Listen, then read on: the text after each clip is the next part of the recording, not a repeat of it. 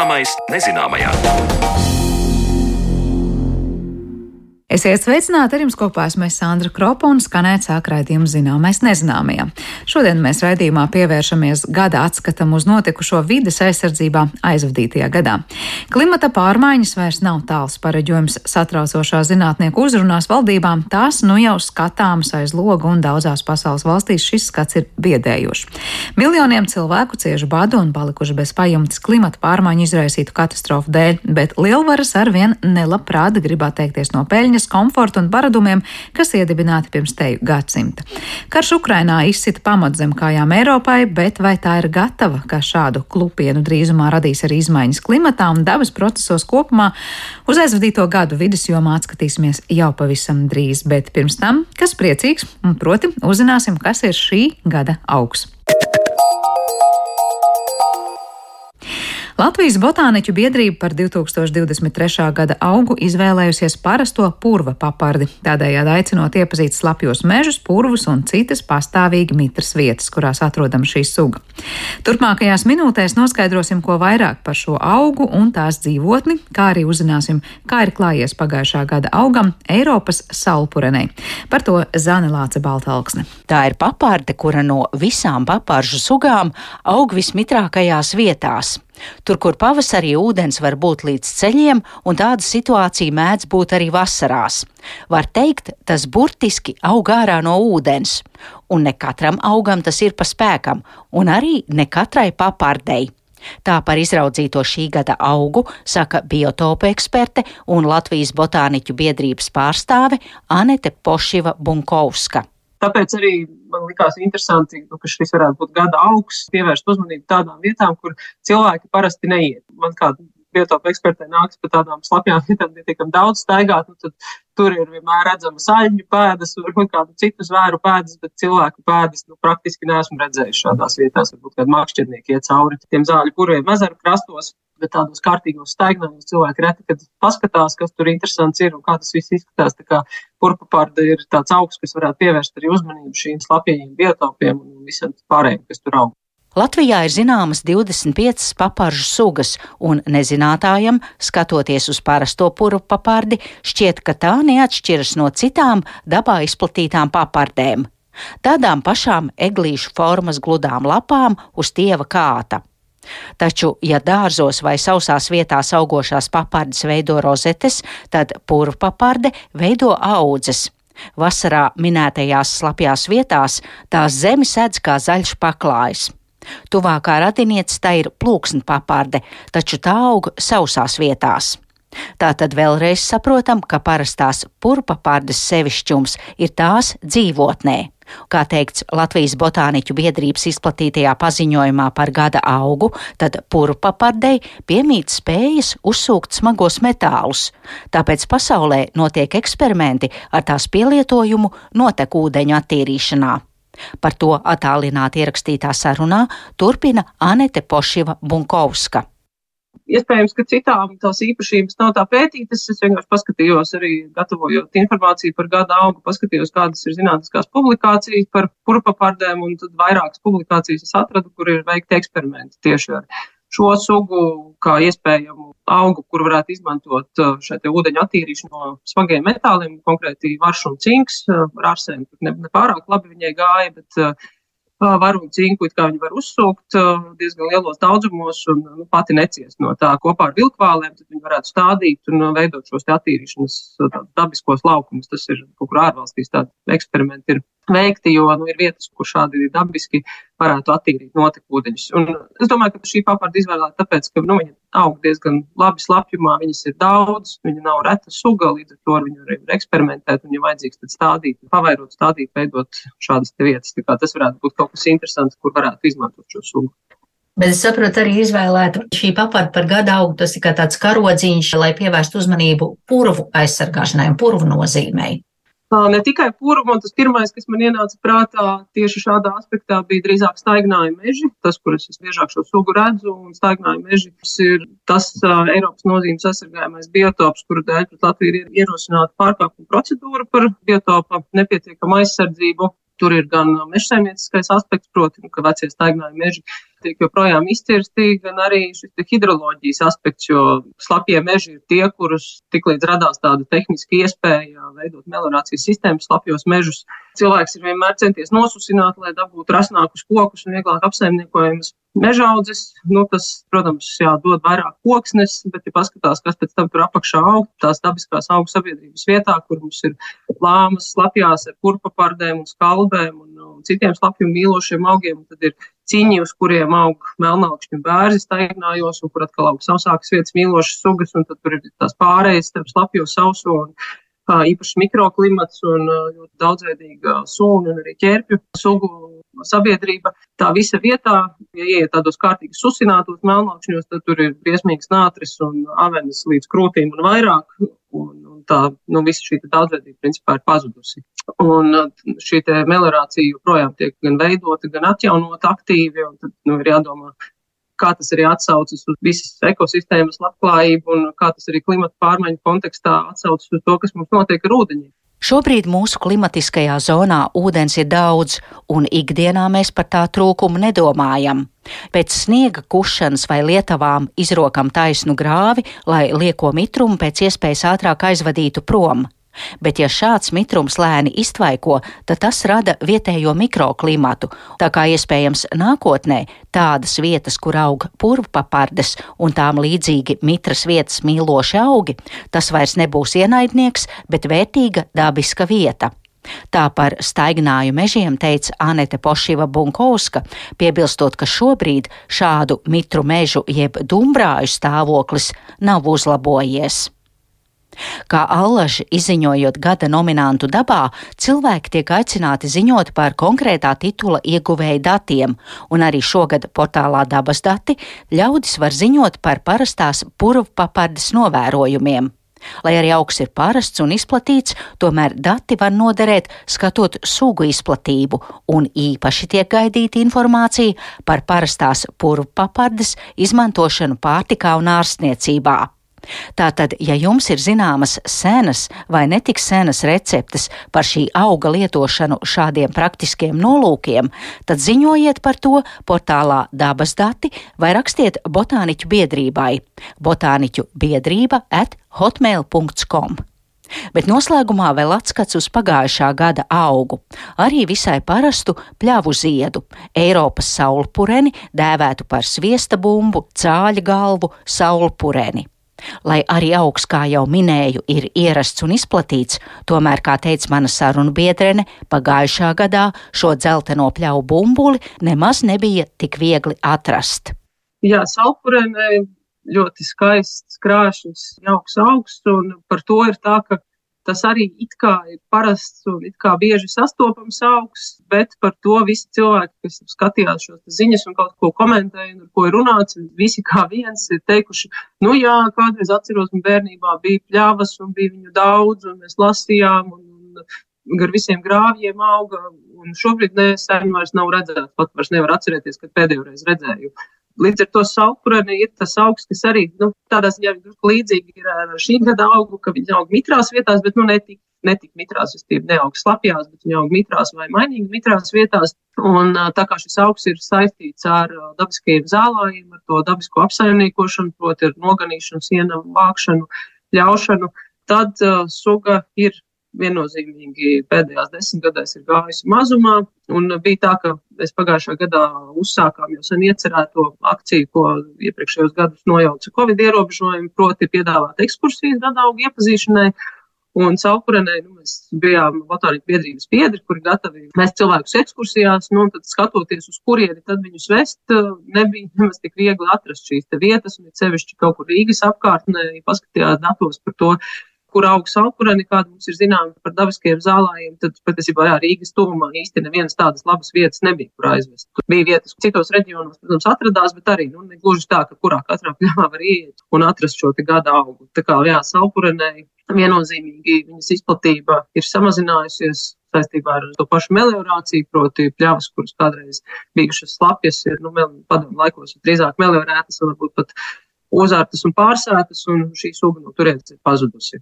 Un uh, varbūt, ka pēc kaut kādiem, nezinu, 50 gadiem arī par purpapārdu iespējams, ka tāpat būs jāsaka, ka jā, kādreiz viņi bija ļoti bieži sastopami, tagad ne tik ļoti. Es ceru, protams, ka tas nenotiks, jo, nu, lai, lai tas notiktu, tad būtu ļoti būtiski jāpārmainās gan hidroloģiskiem režīmam, klimatam, izplatībai. Es ceru, ka purpapāra tomēr paliks tikpat bieži sastopama un tikpat slapjās vietās un tikpat skaista, nepārāk bieži ievērota, bet tomēr tāds jā, ļoti jauks, simpātisks augs, kurš aug vietās, kur reti kurš cits augs fizioloģiski spēj izturēt. Paldies Zanēlācei Baltalksnei par iepazīstināšanu ar gada augu, bet raidījuma turpmākajās minūtēs mēs runāsim par aizvadīto gadu vides un dabas aizsardzības jomā.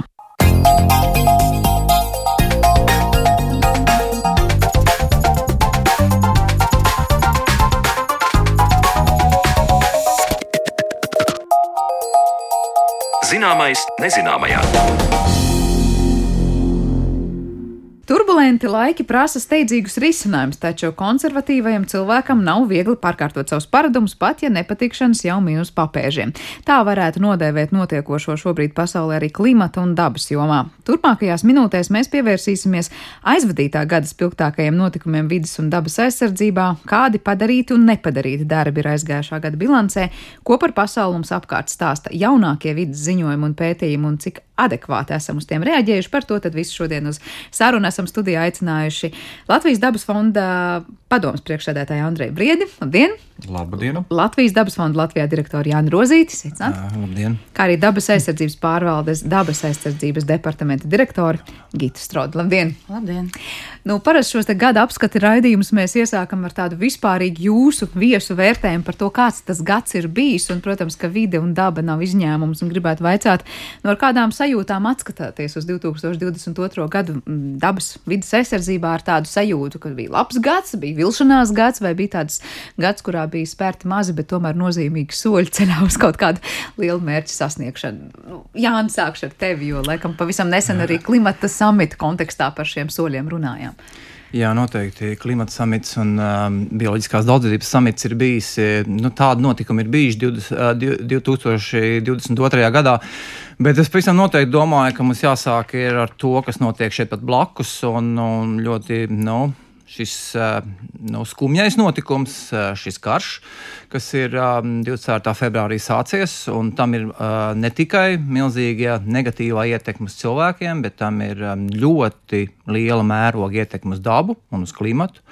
Un tas noteikti ir nu, notikums numur viens. Uh, un šīs ietekmes, es pēc tam noteikti domāju, ka mēs izjutīsim, mēs un Ukraiņas iedzīvotāji izjutīsim vēl desmit gadus.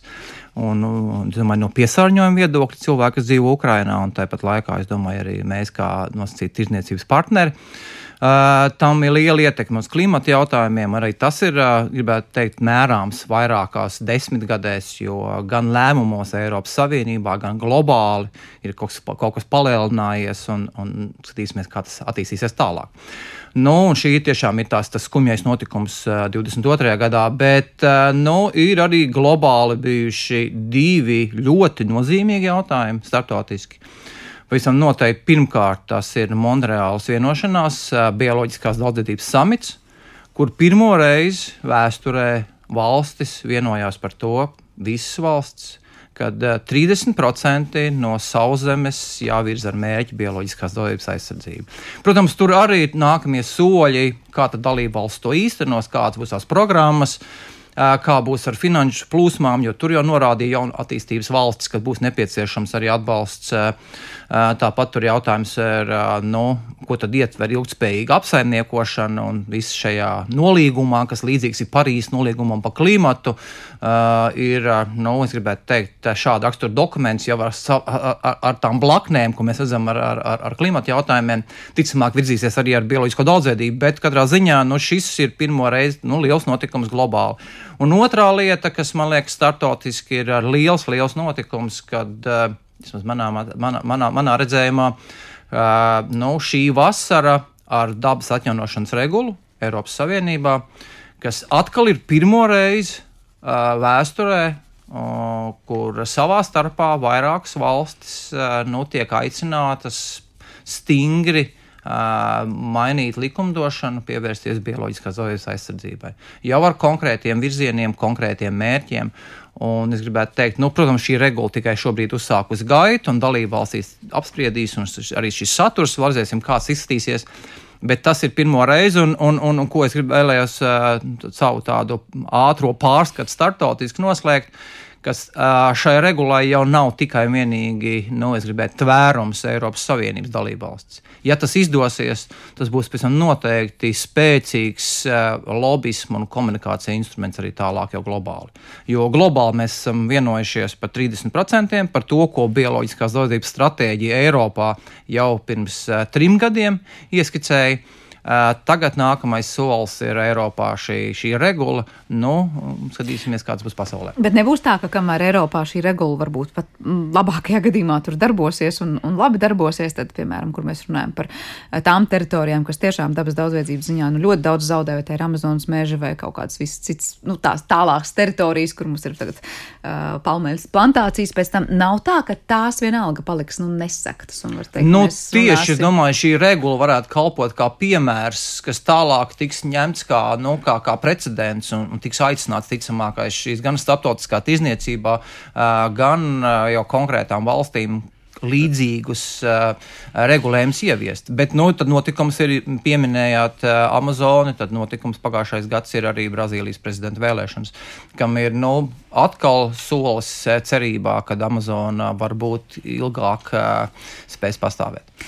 Jā, jautāšu Andrejam arī par to skatījumu uz pagājušo gadu. Droši vien pie tā, ko Jānis jau ieskicēja, daudz kam var piekrist, varbūt kaut kam var vēl piebilst kādas klātlietas, bet eh, kāds kopumā bija tas skats uz to pesimismu vai optimismu virzienu? Nu, diemžēl arī šajā reizē man, man, man laikam būs vairāk jāspēlē tā pesimismu loma un, un, un Jā, nu, uz to gadu atskatoties, droši vien, lai nebūtu pavisam pesimistiski, tad varētu teikt, ka diezgan drūmi mākoņainas gads ar atsevišķām tādām sudraba vai zelta mākoņu maliņām. Latvijā vai globālā līmenī?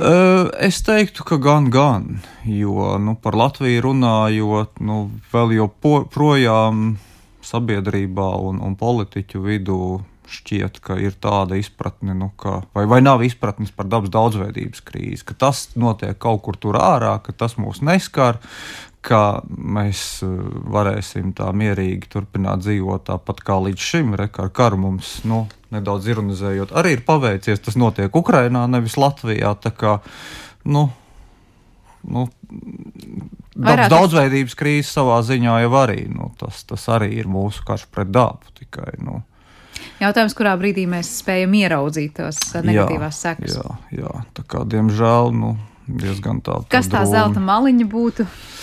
Nu, tā zelta maliņa droši vien jau te ir tie, tie Jāņa minētie piemēri gan par, par, par šo dabas atjaunošanas likumu tepat Eiropā, gan, gan arī Monreāls samitu, kur nu, mēs vēl joprojām konsekventi runājam par šiem 30%, un te nu mums ir svarīgi Latvijā atcerēties to, ka mums ir jāsargā mūsu 30%. Mūsu vietā neviens cits to nedarīs. Un, un, un, protams, mēs varam teikt, ka nu, kaut kur tur citur kāds nesargā, bet tas mūs pilnīgi noteikti neatbrīvo no atbildības šeit, Latvijā. Un, nu, diemžēl, nu, nu, man atkal jāatkārtojas, nu, manā rīcībā nav datu, ka mēs būtu uz pareizā ceļa. Nu, dabas šobrīd daudzveidība šobrīd Latvijā iet mazumā. Jā, par tiem procesiem droši vien sīkāk arī parunāsim, bet došu vēl vārdu arī Gitai to savu sajūtus raksturot par 2022. gadu, un tad par dabas daudzveidību sīkāk parunāsim. Tas sākums. Uh...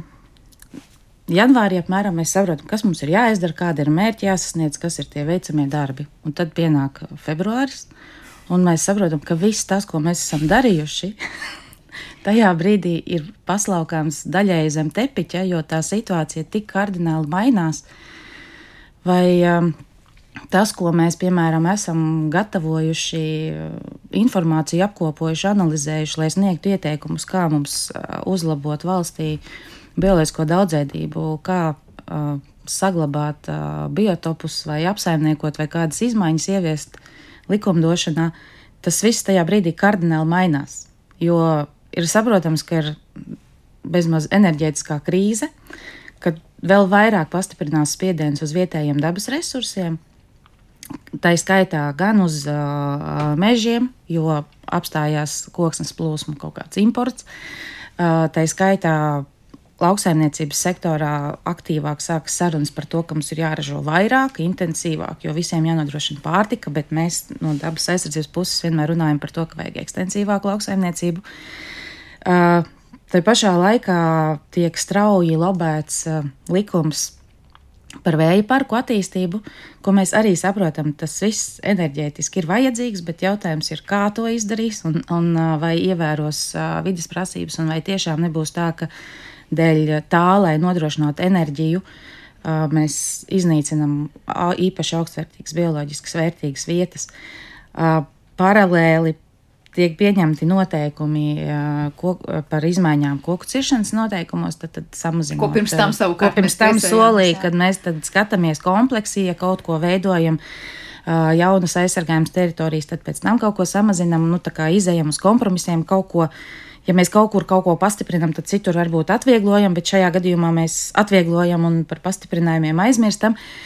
Tā kā tas viss gads ir pagājis tādā haosā, kad mēs no vienas puses kaut ko mēģinām darīt, mums ir uzstādījums, izvērtējiet, um, izvērtējiet, kur un kā mēs Latvijā noteiksim papildus aizsargātas teritorijas, šos 30%, lai sasniegtu, kas mums ir jādara esošajā aizsargājamo teritoriju tīklā, lai saglabātu tur esošās vērtības, kas mums ir jādara un kurām sugām vai biotopiem, lai mēs, kas arī mums ir jāiesniedz Eiropas komisijai ziņojums, tātad, lai mēs līdz 2030. gadam sasniegtu uzlabojumus 30% sugu un biotopu. Un tad, ņemot vērā visu to fonu, un liekot to visu kopā un analizējot, kas ir tās lietas, kas šobrīd apdraud atsevišķās sugas vai atsevišķos biotopus, tad mēs uh, savā pusē saprotam, ka mēs nespēsim līdz šim 2030. gadam sasniegt jebkādus uzlabojumus, ja globāli un va vismaz valsts līmenī mēs nemainīsim esošo praksi. Ne lauks, gan lauksaimniecībā, gan mežsaimniecībā. Pilnīgi neko tur nemainot, mēs varam aizmirst par sasniegumiem un uzlabojumiem. Mēs varam ieguldīt uh, projektu naudas, projektu finansējums, lai kaut kādus atsevišķās vietās uzlabotu stāvokli vai, vai nepieļautu, ka vēl vairāk pasliktinās. Bet bez kaut kādām izmaiņām valstiskā līmenī mēs nespēsim nekādus šos sasniegumus panākt. Un tagad ir jautājums šajā visā haosā, kad vienlaicīgi ir uzstādījums sasniegt dabas aizsardzības kaut kādus noteiktus mērķus, kuri, kuri mums arī šobrīd ir jānosaka. Mēs nosakām mērķus un būs jāapsaka, kā mēs viņus sasniegsim. Kad ir visa šī neziņa, kādas vēl sekas būs notiekošajam karam un ar to visam tālāk ekonomiski saistītajam, tad Šobrīd mēs zīmējam kafijas biezumos, nezinām, kas tur vispār iznāks ārā un vai mēs vispār kaut ko spēsim uh, izdarīt praktiski. Jo es esmu praktiķis, es skatos uz lietām reāli. Kas, kas dabā mums, ir un kas, kas nav? Mums, ja? Ne tikai dabā, viens ir daba, bet mums ir jāsaprot, kas arī notiek apkārt sabiedrībā, jo mēs nevaram pie esošās situācijas uh, uh, sag mēģināt saglabāt dabu vai kaut ko mainīt, uh, ja mēs. Uh, Mēs nevaram uzlikt jaunas ierobežojumus tikai uz valsts zemēm. Mēs varam kaut ko saglabāt, mums ir jāiesaist arī privātie. Viens ir attieksmes uzlabošana, veicināšana, izglītošana, bet ir situācijas, kad nu, es iedomājos to lauku iedzīvotāju, kuram varbūt jau tā tā rocība nav plaša, un mēs vēl uzliekam kaut ko papildus saglabāt, un viņam pretī nav adekvātas kompensācijas. Mēs radām šo haosu vēl lielāku. Līdz ar to man ļoti gribētos šajā gadā lielāku politisko izlēmību, skaidrību kaut kādu, lai arī tiem iedzīvotājiem, kurus iespējams varētu skart kaut kādi papildus apgrūti, apgrūtinājumi, lai viņiem tiek dota skaidra atbilde, ka, ziniet, jums būs kompensācija. Bet, bet tāda, nu, lai, lai jūs, nu, nav. Teiksim, tā mums nav visai sabiedrībai par jāmaksā par to dabas aizsardzību, par tiem labumiem, ko mēs izgū, iegūstam no, no tā, ka mēs attīstāmies un ir kaut kādas lietas.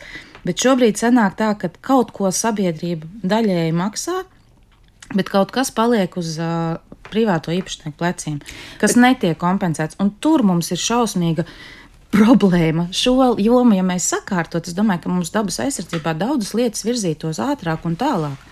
Es saprotu, šis ir tas jautājums, kas gadu no gada tiek pieminēts par šīm kompensācijām. Tur tā situācija kļūst gadu no gada arvien sliktāka, vai tā ir tāda pat neatrisināta problēma gadu no gada, un, un, un neziņa ir tāda, kāda tā bijusi? Nu, droši vien, ka, ka, ka pilnīgi noteikti tā situācija nekļūst labāka.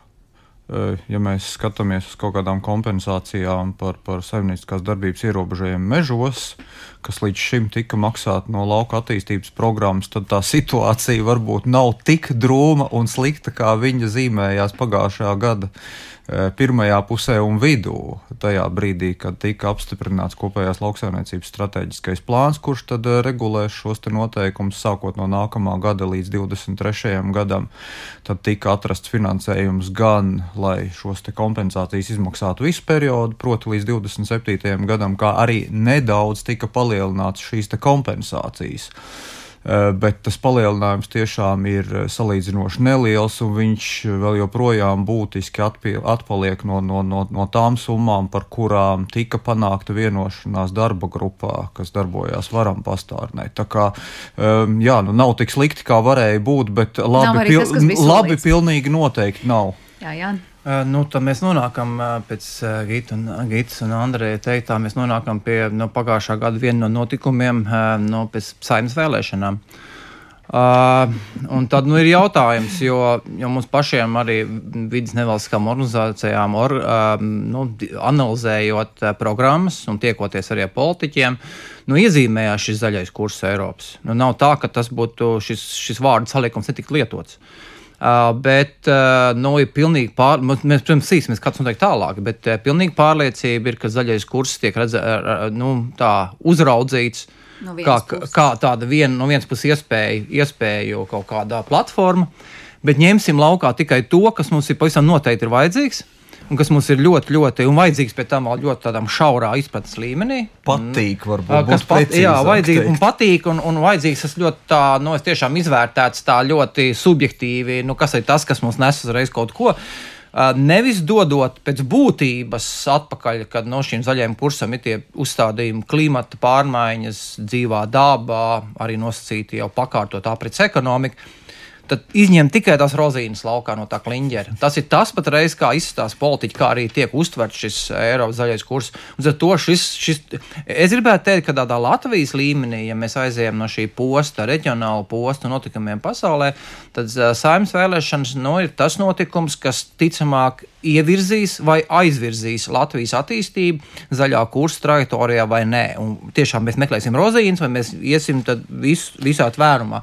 Un tas ir tas, kas ir nu, uz četriem gadiem, un tā, tas ir, es gribētu teikt, 22. gada notikums. Bet uh, es pavisam īsi par, par vēl par šo vienu citu, ko uh, Gita jau pieminēja. Uh, par šiem izmaiņām ministrs kabineta koku ciršanas noteikumos. Tā kā mēs nevaram neparunāt par to arī. Nu, tas bija skaļš notikums. Da, tas bija skaļš notikums, un es personīgi saucu šo notikumu kā nu, tikpat ar negatīvo ietekmi tādā pašā mērogā, kā mēs esam piedzīvojuši otrās Latvijas republikas laikā, proti mazo hesu būvniecību tam, pie šī brīža situācijas, kā Gita jau iezīmēja šo fonu, kas notiek ar dzīvo dabu, arī Andrei tāds bēdīgais skatījums ievadā. Ko mēs darām? Nevis mēs domājam, ko mēs tagad varētu, kā mēs varētu gudri kārtot šīs lietas, bet mēs vienkārši ejam Rokam vēl tālāk. Dziļāk, un pie tam vēl, un, un tiem koku ciršanas noteikumu izmaiņām, es pat teiktu, ka nu, ir kaut kādas šī brīža ietekmes, protams, par ko mēs varam runāt, ka tam ietekmes kaut kādām vēl paliekošajām bioloģiski augstvērtīgām mežaudzēm. Bet tam ir, es gribētu teikt, ka lielākā ietekme būs nākamajās desmitgadēs. Kādi būs Latvijas meži, un, un nav rūpes. Tas trakums ir, ka nav pēc būtības pašiem lēmumu pieņēmējiem un pašiem mežkopiem. Viņi nedemonstrē šīs rūpes, kad, kad mēs ejam projām no meža. Mēs ejam uz koku rindām mežā. Un tas ir ļoti būtisks jautājums. Mēs pēc būtības esam sabojājuši upes, un tagad mēs ejam ar lieliem lēmumiem, lai sabojātu mežus. Un, un, un, un es gribētu teikt, ka tiešām šis ir nu, ļoti dziļš jautājums, ko arī mēs kā vidas organizācijas vairāk kārt norādījām, bet nu, neviens tā pēc būtības dziļu šo jautājumu nevēlas skatīties. Ir tikai vienīgi plūsmas plūsmas, cik mēs ātri, ko mēs varam nodrošināt. Un, tādā ļoti virsējā līmenī šobrīd saruna. Vai ir kaut kas tāds, kas spētu atrast tās dzirdīgās ausis? Nu, protams, ka nevalstiskās organizācijas par to runās, masu mēdī par to runā, un liekas, nu, ja tas joprojām netiek sadzirdēts, nu, tur nav vēlams. Nē, nu, es domāju, ka mēs šorīt jau izskanēja, no, jāsāk jau būt no otras puses, ja mēs apzināmies, ka ir, ir, ir šie globālie jautājumi. Ir zinātne saka par to, ka nav labi ar dabu. Neiet runa par to par dabas ekspertiem vai, vai vienkārši ar nevalstiskām organizāciju ekspertiem. Te iet runa par par, par zinātni, kur saka, ka ļoti traģiska situācija, kad ir dziļa katastrofa. Tad sākam domāt, kā mēs risinām tos jautājumus, par ko mēs šodien jau sakām. Tāpat laikā skatāmies, kur mēs, kā mēs domājam kā par naudas plūsmām. Un tad, kad mēs esam sakārtojuši kaut kādu mugurkaulu skeletu, kad mums liekas, ka mēs jau kaut ko esam nodrošinājuši, tad skatāmies, kur mēs ko varam atvieglot. Uh, nu, atjaunīgais resurss, koki un daļa no aprits ekonomikas. Protams, par to visu ir jādomā. Bet jāsāk ir, uh, kā mēs noņemam jebkurus riskus, ja mazinām riskus dzīvai dabai. Un tas, diemžēl, nevienam nerūp. Un, bet, nu, ceram, šis gads bija saimnes vēlēšana gads. Pagājušais gads. Nu, jā, jāsaka, jau pagājušais, pagājušais gads, un jā. lūkosim, kā tas virzīsies tālāk. Bet tas, ko arī Jānis tikko minēja par šiem mazajiem hesiem, arī šajos raidījumos daudz esam runājuši par to, ko nozīmē šī aizsprost upēs un cik daudz šķēršļu upēs šobrīd ir jādomā. Nu, noteikti, darīt? būs, un noteikti būs cilvēki, kur teiks, ka tam ir liela nozīme ekonomikā, tautsensībā. Tā tāpat arī par mežiem. Tāpat arī būs cilvēki, kur teiks, nu kā tam tak ir. Nu, tur, bet sekas mēs šobrīd redzam, ko nozīmē tad, kad tās upes ir sabojātas. Es saprotu, tad, kad meži tiks sabojāti, mēs to redzēsim nu, pēc dažiem gadiem. Ja? Mēs to neredzēsim tik ātri. Tas noteikti nebūs tāds klikšķis, kā tas ir ar, ar, ar Hesiem, ka mēs reiz redzam, ka tur iztaisnots un tur nu, tam ir tādas pakāpeniskas izmaiņas, un tam būs lielāks periods nekā upē. Tāpēc vēl grūtāk, vēl grūtāk varbūt par to komunicēt un pārliecināt. Bet, nu, tomēr, klausoties jūsos, rodas tā sajūta, ka varbūt tajos lielajos uzstādījumos un lielajos mērķos, nu, tad liekas, ka Eiropas Savienība vai pasauli pat varbūt kopumā, bet, nu, Eiropas Savienība kā tāds varbūt vairāk līderis iet tā kā pareizā virzienā un liekas, ka mēs Latvijā lokāli tā kā vairāk spiežam uz tām bremzēm, tā var teikt, vai tā ir man tāda kļūdaina sajūta, klausoties tajā, kas notiek. Viena gada ietvaros no vienas puses zaļais kurs Eiropā un liekas, nu tad te ir dažādi regulējumi un, un regulas, kas ļauj tā kā dabu atjaunot, un tāpat laikā mēs izlasam tās rozīnas un ejam pretējā virzienā. Droši vien, ka to var raksturot arī ar tādiem vārdiem, ka tie virsraksti jau ir pareizie, tikai tas saturs ir e, gaužām cits nekā solīts virsrakstā, un, un tas ir bijis gan, gan lauka attīstības programmām līdz šim, gan arī nu, tai pašā kopējās lauksaimniecības strateģiskajā plānā. Tie, tie lielie uzstādījumi un, un, un, un, un tās, kā saka, mārketings tajā brīdī, kad bija jācīnās par finansējumu kopējās lauksaimniecības politikai, tur jau viss bija ļoti jauki. Tur bija šis zaļais kurs ar zaļā kursa mērķiem un uzstādījumiem.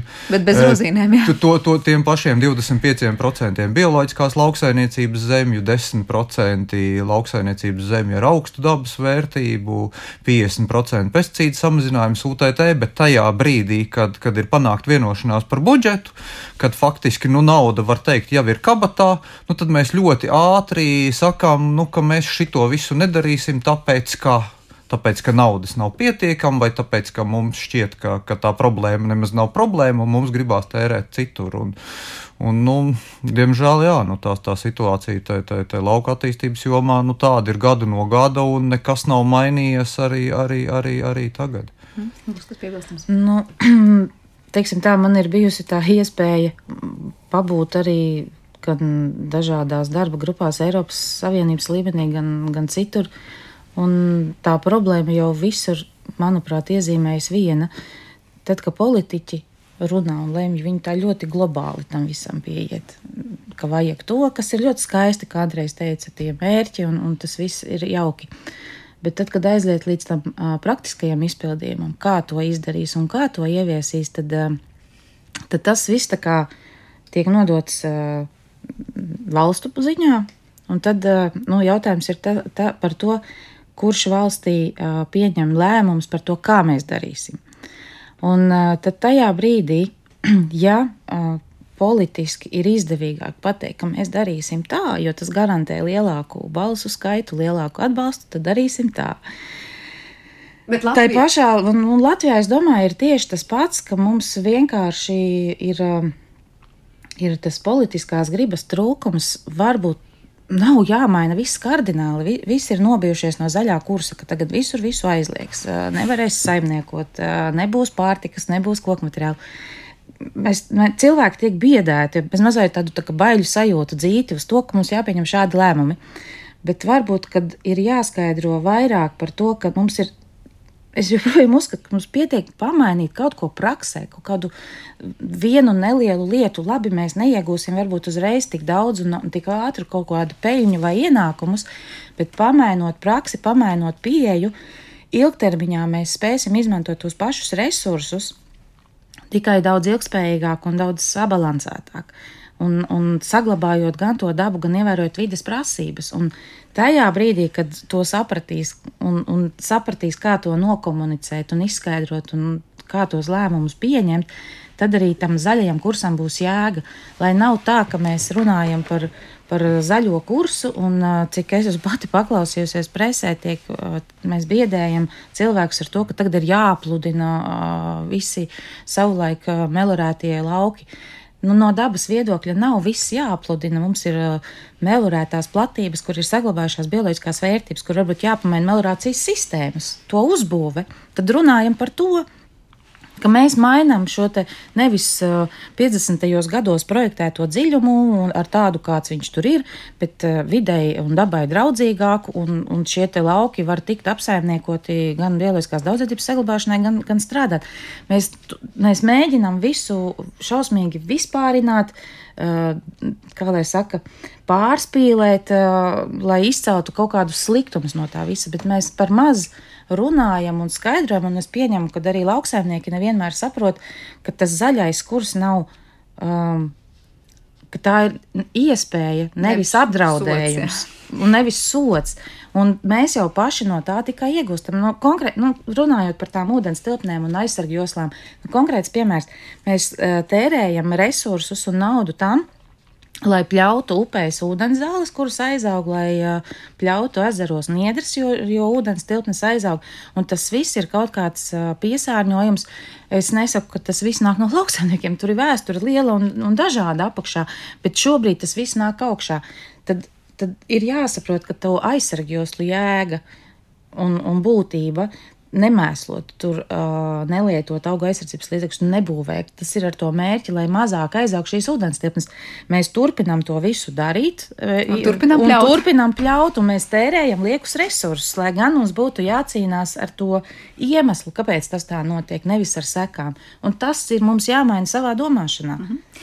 Uh, Tas, par ko jūs visi runājāt, patiesībā par šo dabas daudzveidību, arī es gribēju vēlreiz pārvaicāt, uh, tie ļoti neiepriecinošie dati par Latviju, saprotu, ir dabas aizsargājamo teritoriju, arī ap, uh, teritoriju zi ziņā mēs esam viena no pēdējiem, laikam, Eiropas Savienībā, ja, tajā, cik ļoti mums tās dabas teritorijas aizsargājumās ir nu, maz Latvijā. Ja mēs skatāmies pēc Natūra 2000 teritoriju, kas ir Eiropas uh, nozīmes aizsargājamo teritoriju pārklājums, tad jā, tad mēs esam uh, priekšpēdējie.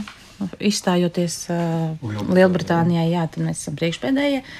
Um, ja mēs skatāmies pēc uh, vispārējās aizsargājuma teritorijas statikas, statistikas, tad mums ir 18%, jo mums kā īpaši aizsargājuma dabas teritorija ir arī Ziemeļvidzemes biosfēras rezervāts, kur, uh, lai man piedod kolēģi, bet uh, vārds rezervāts nu, galīgi neraksturo to, kas, uh, kas ir uh, attiecās uz kaut kādiem saimnieciskās darbības ierobežojumiem. Nu, tur tādu praktiski nav. Un, uh, ja vien atsevišķa stingrākas aizsardzības teritorija nav šajā lielajā ziemeļvidzemes platībā, nu, tad principā saimniekošana notiek tāpat kā jebkur citur.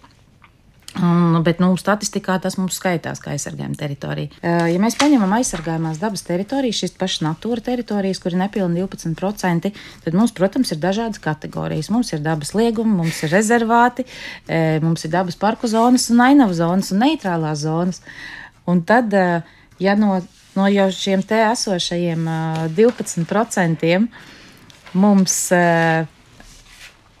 Tātad apmēram trešdaļu veido ainava aizsardzības zonas un vēl neitrālās zonas. Tad būsim reāli. Tur tādi īsti ierobežojumi nepastāv. Tad tie 11% ir vēl tā kā samazināmi.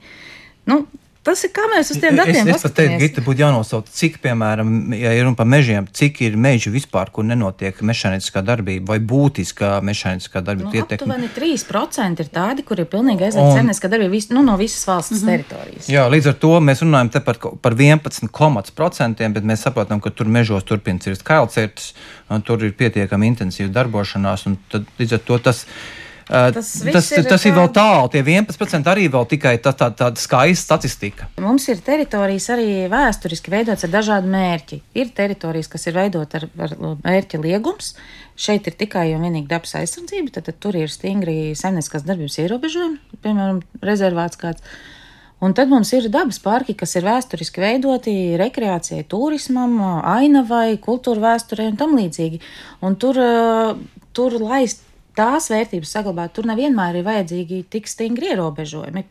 Bet tur ir šim balansam jābūt starp saimnieciskajām interesēm un, un, un, un visām citām. Un tajā brīdī, kad mēs pieņemam valstī lēmumus par to, kāds būs šo teritoriju aizsardzības un izmantošanas režīms, kādi būs noteikumi, tad no dabas vērtību viedokļa bieži vien tiem nosacījumiem būtu jābūt krietni stingrākiem, lai šīs dabas vērtības pasargātu. Bet uh, Tā kā mums ir jāpieņem kompromisi un jāsaskaņo šie, šie noteikumi un vajadzības ar citiem sektoriem, ar iedzīvotājiem, tad bieži vien tie kompromisi ir tādi, kas ne īsti apmierina īpašniekus eh, vai nozars, ne īsti apmierina dabas sargus. Tad, zināt, kā mēs tās Monreālas kontekstā esam ar tiem 30 prasītiem procentiem bioloģiskās daudzveidzības aizsardzēšanai. Mums ir ļoti daudz darāmā, ļoti mums ir daudz. nereāli daudz darāmā. Mēs vispār to varam izdarīt. Es zinu, ka tiek veidots jaunas jūras aizsargājumās teritorijas. Cik tas strādās, nestrādās, atkal ir cits jautājums. Vai mums ir plānots par sauszemes jaunām aizsargājumām nu, teritorijām? Te, te droši vien, ka pirms mēs sākam vispār runāt par kaut kādiem procesiem, tā pirmā lieta, kas mums ir visiem jāatcerās, ja mēs gribam runāt par dabas daudzveidības atjaunošanu, mums viņu vispirms ir jāaptur šī samazināšanās. Un tikai tad mēs varam runāt kaut ko par, par palielināšanu. Līdz ar to visi šie procentuālie mērķi, protams, laba lieta. Kaut kādā brīdī mums līdz viņiem būs jānonāk, bet šajā brīdī nemānīsim sevi ar kaut kādiem lieliem mērķiem. Mums ir jāaptur dabas daudzveidības samazināšanās. Tagad tepat Ziemassvētku jau gan brīvdienās. Nu, atpūšoties nedaudz palasīju pagājušā gada putnu atskaites, ko gatavojuši ornitologi. Meža putnu indeks, lauka putnu indeks turpina samazināties. Ja skatāmies uz kādām konkrētām sugām, griezēji klājās slikti un, un, un vēl sliktāk. Kopš 2017. gada griezes Latvijā mēs sastopam arvien retāk un retāk pirms mēs sākam runāt par labiem mērķiem, mums patiešām ir jāaptur šis brīvais kritiens. Un tas šobrīd izskatās, ka notiek. Mums, diemžēl, raidījumā ir palicis pavisam, pavisam maz laika, bet es gribēju vēl pavisam īsi vienu aspektu tomēr lūgt jūs komentēt. Es saprotu, ka daudzās citās pasaules valstīs ir tādas pozitīvas iezīmes par to, ka esam sākuši cīņu ar plastmasu vairāk un esam dažādas ierobežojumus, gan vienreiz lietojamiem plastmasas traukiem uh, ieviesuši dzīvē. Latvijā mēs par depozītu, protams, arī sākām salīdzinoši nesenā pagātnē runāt un to arī darīt. Kāds ir tas vērtējums, nezinu, Jāni, par to, kas notiek Latvijā pasaulē cīņā ar plasmasu un atkritumiem? Ar, ar, ar, ar plasmasu un atkritumiem ir uzsākta milzīga cīņa pasaulē par tām valstīm, par kurām mēs runājam, par Indijām, Ķīnām. Es domāju, ka tur ir nu, milzīgi plašs soļi aprits ekonomikas virzienā. Uh, par Latviju, ja, ja iepriekšējos gados, 19. un 20. gadā, mēs esam runājuši par jauniem plānošanas dokumentiem, mēs varam skatīties tur aprits ekonomikas plānu, mēs varam skatīties atkritumu apsaimniekošanas plānu. 21. gads bija arī pieņēmām likumu par uh, plasmas saturošo izstrādājumu patēriņu samazināšanu. Tad nu, šīs 22. gads ir atkal vēsturisks Latvijā tādā ziņā, ka nu, mums ir beidzot palaists depozīts. Un, ja šobrīd, ja es nemaldos, ir virs 230 miljoniem vienību, kas ir atgriezta atpakaļ, kas apmēram ap 80%, tad tas ir, nu, es gribētu teikt, plats solis eh, aprits ekonomikas virzienā. Es eh, to tik daudz neuz, ne, neuzraugu kā, kā kaut kāds, eh, nu, tīri tikai un vienīgi vidas jautājums, bet vairāk tas ir aprits ekonomikas jautājums, ka mēs spējam atgriezt šīs izējumateriālus atpakaļ. Un, un, un tas, nu, tas tiešām ir izdevies, neskatoties to, ka pa 20 gadus par to runāju, un Latvijā redz, mēs kaut ko varam tomēr. Mums tikai vajag 20 gadus. Lai to izdarītu, jā, nu, nākamais izaicinājums. Nu, vai, vai arī ļoti lielām problēmām. Jā, jo, nu, nu, ja mēs līd- par, par, par, par kaut kādām pozitīvām tendencēm, tad tur droši vien ir jāmin šis te saules paneļu bumts pagājušajā gadā, kur, kur Latvija bija Baltijas valstu, kā saka, nu, pārliecinoši pēdējā vietā, bet nu, vairs neesam. Bet Tā kā- tas ir noteikti tajā mirklī, kad ir Kad ir notiek milzīga liela, liela problēma un runājot. nelaime. Nevis mēs nevaram proaktīvi strīdēties. Mēs ar atjaunīgiem energoresursiem neko nebijām darījuši desmit gadus. Un Bet arī šajā vienā- brīdī, kad mēs eh, sarunas sākumā ieskicējām Gita, laikam teica arī par šiem vēja parkiem, kas kopumā raugoties ir ļoti jauka ideja. Jautājums, vai šī kara un energokrīzes tā aizsargā ir- mēs tā- nesākam tā- Tas ir to- steigas jautājums. Tieši tā, Un, bet paķers- mēs redzam, ka šobrīd jau Eiro, Eiropas eh, komisija atkal nāk ar jauniem un jauniem, jau, jaudīgākiem uzstādījumiem atjaunīgiem energoresursiem, un tie Latvijai nu, būs daudz jāstrādā, lai, lai to sasniegtu. Jā. Vēl atliek vienīgi cerēt, ka nu, mēs būsim līdz tādam kliņķim nodzīvojušies, ka vajadzēs steigā arī sargājums teritorijas veidot. Bet es ļoti ceru, ka tā nebūs. Jo visu, ko darīsim steigā, maksās dārgi tiešām pārnestā nozīmē, jā, ar kļūdām un daudz ko, daudz ko Nu, citu. tas tā ir gan steiga, gan arī nogaidīšana. Un atkritumu kontekstā es iedomājos, laikam nākamais tāds, nu, solis, kur jāier, jāieskrien atkal Latvijai būs bioloģiski noārdāmi atkritumi, jā, tajā mums arī daudz Bioloģiskie tālāk darāmā. mums būs tekstils, nu mums ir ko darīt, mums ir ko darīt, un, un, un, un es domāju, Mēs esam ļoti maza valsts teritorija, mums ir ļoti maz iedzīvotāji. Nu, man liekas, ka šeit, Latvijā, mēs varam tiešām ieviest pietiekami viegli daž, dažādas izmaiņas un diezgan sinhroni domāt par labāku nākotni, vidē atbildīgāku nākotni, nekā varbūt tas būtu jā, jāpaveic eh, Ķīnā, Indijā vai, vai, vai kaut kādās nu, lielās valstīs, Jā, Brazīlijā. tas tā kā Latvijas tiešām priekšrocība, ka tas mazais izmērs un kompaktums mums varbūt ļautu tiešām efektīvāk strādāt. Es ļoti ceru, ka tas izdosies, un es ļoti ceru, ka skatoties uz 2023. gadu vidas aizsardzībā, mēs varēsim varbūt daudz vairāk runāt par konkrētiem pozitīviem piemēriem, par to, kā kārtot tās dažas lietas, kas nu, buksē jau daudzus gadus un kas varētu tiešām, kā jau minējāt, to situāciju mainīt daudz lielākiem soļiem. Paldies jums par šo sarunu. Es atgādināšu, ka šajā raidījuma pusstundā mēs bijām kopā ar Dabas aizsardzības pārvaldes dabas aizsardzības departamenta direktoru Gitu Strodu, Pasaules dabas fonda Latvijā direktoru Jānu Rozīti, kā arī Latvijas dabas fonda padomas priekšsēdētāju Andreju Briedi. Ar to arī raidījums ir izskanējis. Paldies visiem par klausīšanos un uz redzēšanos!